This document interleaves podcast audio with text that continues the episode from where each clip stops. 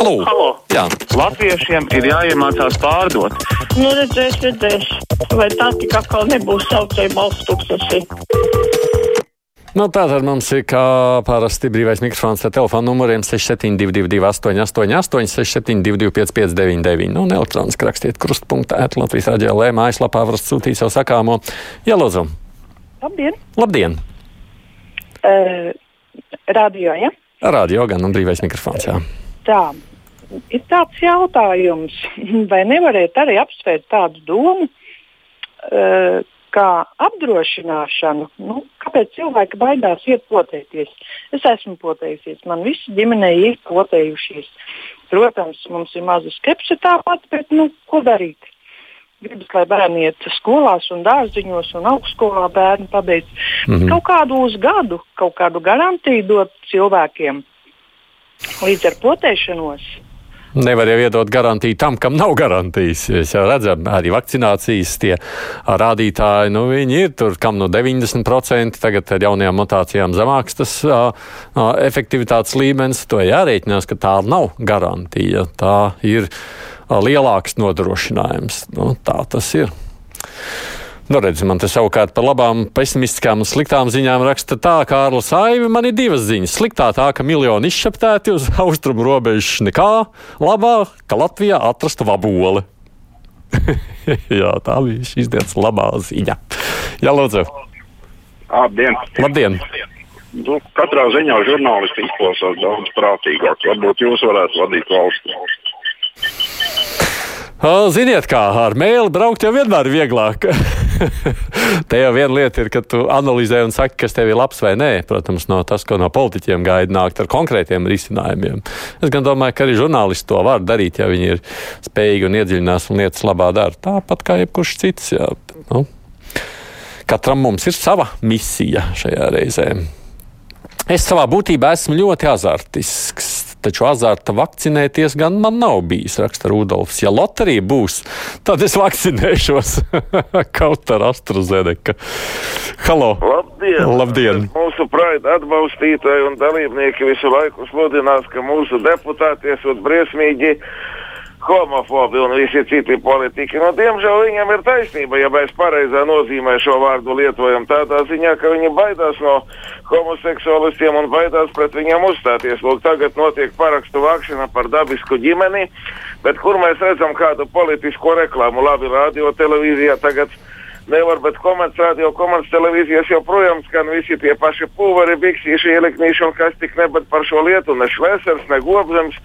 Neviens cits nav uzņēmējis. Gobzems pat paņēmis varavīgs nes karogu. Un, Nu, iespējams, jau ka labi, ka tādā ziņā, ka politiķi ir saprātīgāki par jums un saka tikai tāpēc, ka cilvēkiem ir slikta orientā cita orientācija, ka tāpēc pret, pret viņu ir jāvēršas. Es domāju, ka mēs redzam, ka politikā tas tā nenotiek, un tā varbūt arī tā labā ziņa. Rieksniņš teica, ka nav pareizi saņemt vienādu naudu prēmiju paralimpietim. Septiņi vīri konkurencē ar parastu olimpieti daudz lielākā konkurencē, jo viņš nevienam neko negrib atņemt, raksta Pēters, aizstāvot visu šo sadaļu. Nu, mēs jau, nu, protams, Uh, pilnīgi noteikti aicinu padomāt, ja kaut vai kādreiz paskatīties, kā ir veidojusies kāda cilvēka paralimpiešu uzvarētāja ceļš līdz tam, ka viņš tiek pie medaļas. Tad mēs varēsim salīdzināt, kurš un cik daudz tur ir spējis izcīnīt iekšēju cīņu, lai nokļūtu līdz šai uzvarai. Man liekas, tur būtu mums pašiem ko redzēt, salīdzinot. Halo! Halo, radio? Jā, radio! Man ir tā, tāds priekšlikums, ne priekšlikums, nezinu, kā to nosaukt. No. Kāpēc tie cilvēki ir tādi, ka prasa garantiju no valsts? Kā valsts var garantēt, cik ilgi tu dzīvosi? Tad jau jāprasa garantija no valsts, lai viņi, lai valsts garantē, ka es nodzīvošu līdz simts gadiem. Tā ir nevar paprasīt to, ko nevar izdarīt. Tāda tas patiešām ir.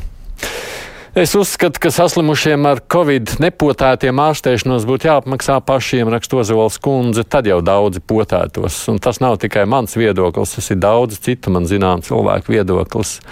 Es jau Ozols kundze piekrītu, tajā pašā laikā ir jau skaidrs, ka tā ir teorija laba, bet realitāte neizpildāma, jo tajā brīdī, ja cilvēks ir uz nāves gultas vai slims, un viņam ir vajadzīga palīdzība, un viņam nav naudas, ko maksāt, un mēs ļoti labi zinām, ka tāda covid ārstēšana maksātu dārgi. Tad nu, tur jau tas cilvēciskais faktors vienmēr būs tāds, ka mēs grib vai negrib palīdzēsim un neteiksim, piedod, mirsti nost. Nu, tādi, tā tas ir. Halo! Lūdzu! Uh, labdien! Labdien! Televīzijas! Nē, radio.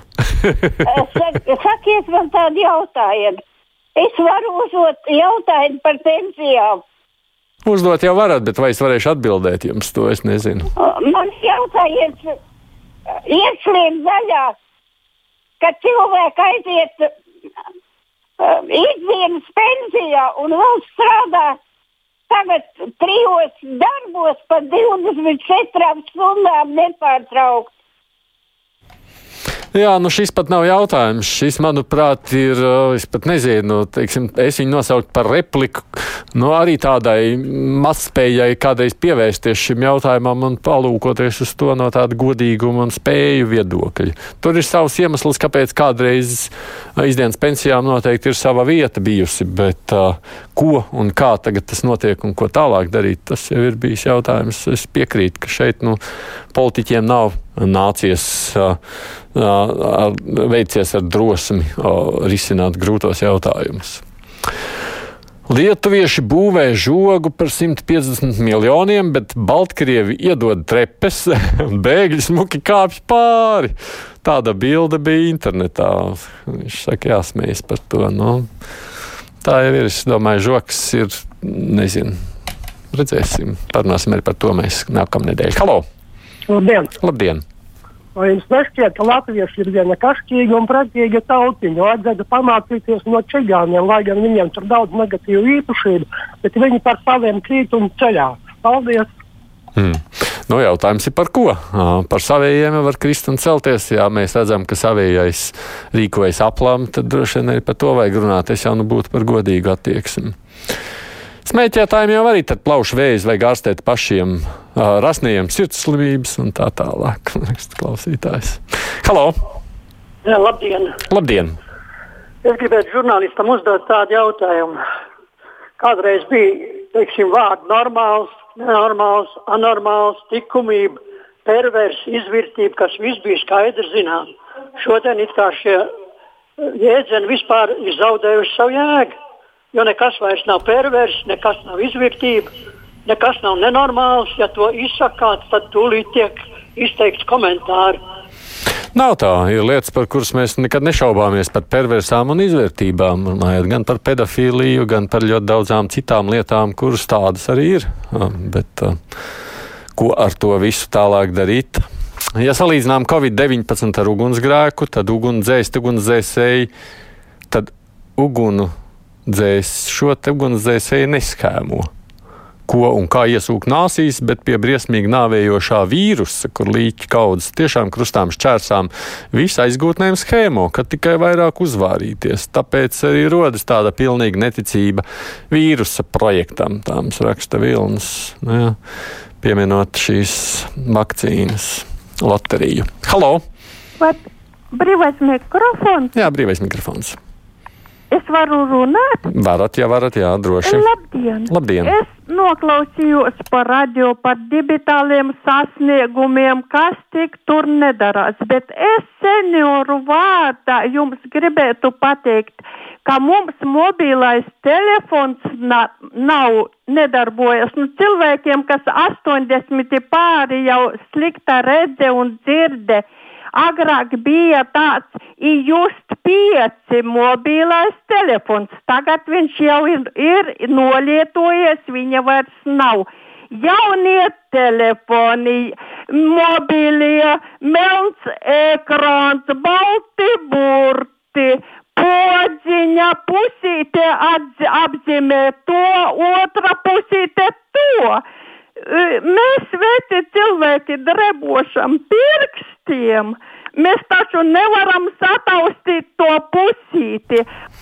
Man liekas, ka es vēl pirms kāda laika vienam vecam cilvēkam pirku telefonu patiešām ar lielām pogām, kurš ir ne tikai podziņa, bet arī darbojās mazliet vairāk nekā tikai parastais telefons. Es ieteiktu tomēr atrast kādu, kurš jums var, nevar būt tā, ka vairs nevar nopirkt. Nu, nav jau jābūt obligāti justam vai kam, es domāju, telefonu firmai. Bet nu, vajadzētu sameklēt kādu, kurš var palīdzēt tikt pie telefonu, kur arī vecākiem cilvēkiem ir vieglāk lietot. Paskatieties, kā Baltkrievijas televīzija pasniedz migrantu krīzi. Apmēram, ka lietuvieši dzen iekšā Baltkrievijā. O jā, es dzirdēju, ko Lukašenko sacīja, ka viņš tur šaujot, citot nost, un tie lietuvieši esot vienkārši nacistu slepkavs un tam līdzīgi. Jā, lūdzu! Labdien! Labdien! Nesen izskanēja Paula Moviča tiesāšana. Viņš nesot gulējis deklarētajā adresē. Nu, var sakot, pārkāpums viņš tagad gadu nevarēs algu saņemt, sots un tā tālāk. Un otra lieta, kas man liekas, jā, salīd, nav salīdzināma, Vineta Mūžniece, kā saimas amatpersona, viltoja dokumentus, notiesāta par apzinātu noziegumu, saņēma satversmes tiesā algu tūkstošos un vēl joprojām es nezinu, vai šodien vēl karājās, bet gadiem, 5, 6 gadus viņas bilde karājās goda vietā pie sienas, kur ārzemju delegācijas brauc un skatās. Es nezinu, varbūt notiesātos deputātus, kas ir pašvaldībās, arī vajag atstāt pie sienām karājoties. es vairāk aizdomājos par deputātiem, kas karājas pie sienām. Piedodiet mēģinājums dabūt, lai cilvēki vakcinējas ar loteriju, kurā laimēt ir ļoti maza iespēja, taču ir tīzli, rakstīja Jānis. Vajag maksāt visiem, kas vakcinējas, lai novērstu atkārtot ekonomisko un medicīnisko krīzi. Varbūt tas ir tāds stiprs arguments par šo. Nu, tas laikam arī ir, es pieļauju, tikpat ētiskas dabas jautājums. Halo! Labdien! Labdien! Es gribēju pateikt vienu tādu lietu, kad uh, sen jau vajadzēja radio un televīzijai ziņojot par saslimušajiem un mirušajiem, uh, noteikti nosaukt, cik ir vakcinēti un cik nav vakcinēti. Ja man pasaka, ka 88 saslimuši, es tomēr gribu zināt, vai tie ir vakcinēti vai nevakcinēti. Lai cilvēki arī rastos kaut kāda sajūta, ka man ir jēga potēties, ja lielākā daļa ir nevakcinētie. Es jums no vienas puses, protams, piekrītu. Es jau šādus telefonu zvanus esmu te vairākas saņēmis šajā laikā. No otras puses, es teiktu uzmanīgi ar jebkuru šādu veidu statistiku. Es gan saprotu, laikam Latvijā viņi tikai reizes mēnesī pagaidām līdz šim tika apkopot. Bet tā, nu, visu jau nosaka arī proporcionālais vakcinēto un nevakcinēto skaits, jo mums būs vairāk vakcinēto, jo, protams, tās proporcijas mainīsies, un to gan vajadzētu likt vērā tad, kad mēs runājam par vismaz proporcijām, jo tām uh, ir jāpieiet ar prātu. Man reizēm skatoties uz to, kā mēs izturamies pret skaitļiem, šķiet, ka tas prāts nevienmēr tiek izmantots šādās reizēs. To es rosināt, likt aiz auss.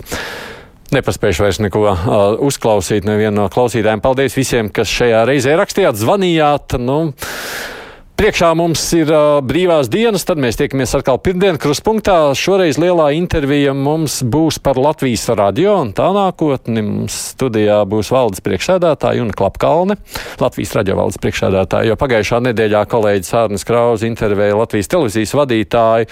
Nu, šoreiz mēs runāsim par radio tagadni un nākotni, kāds izskatās no vadītāja skatu punkta. Kā mēs zinām, arī jaunā padoma ir ievēlēta un radio arī gaida zināmas nākotnes pārmaiņas. Fakti, viedokļi, idejas. Raidījums Kruspunkta ar izpratni par būtisko.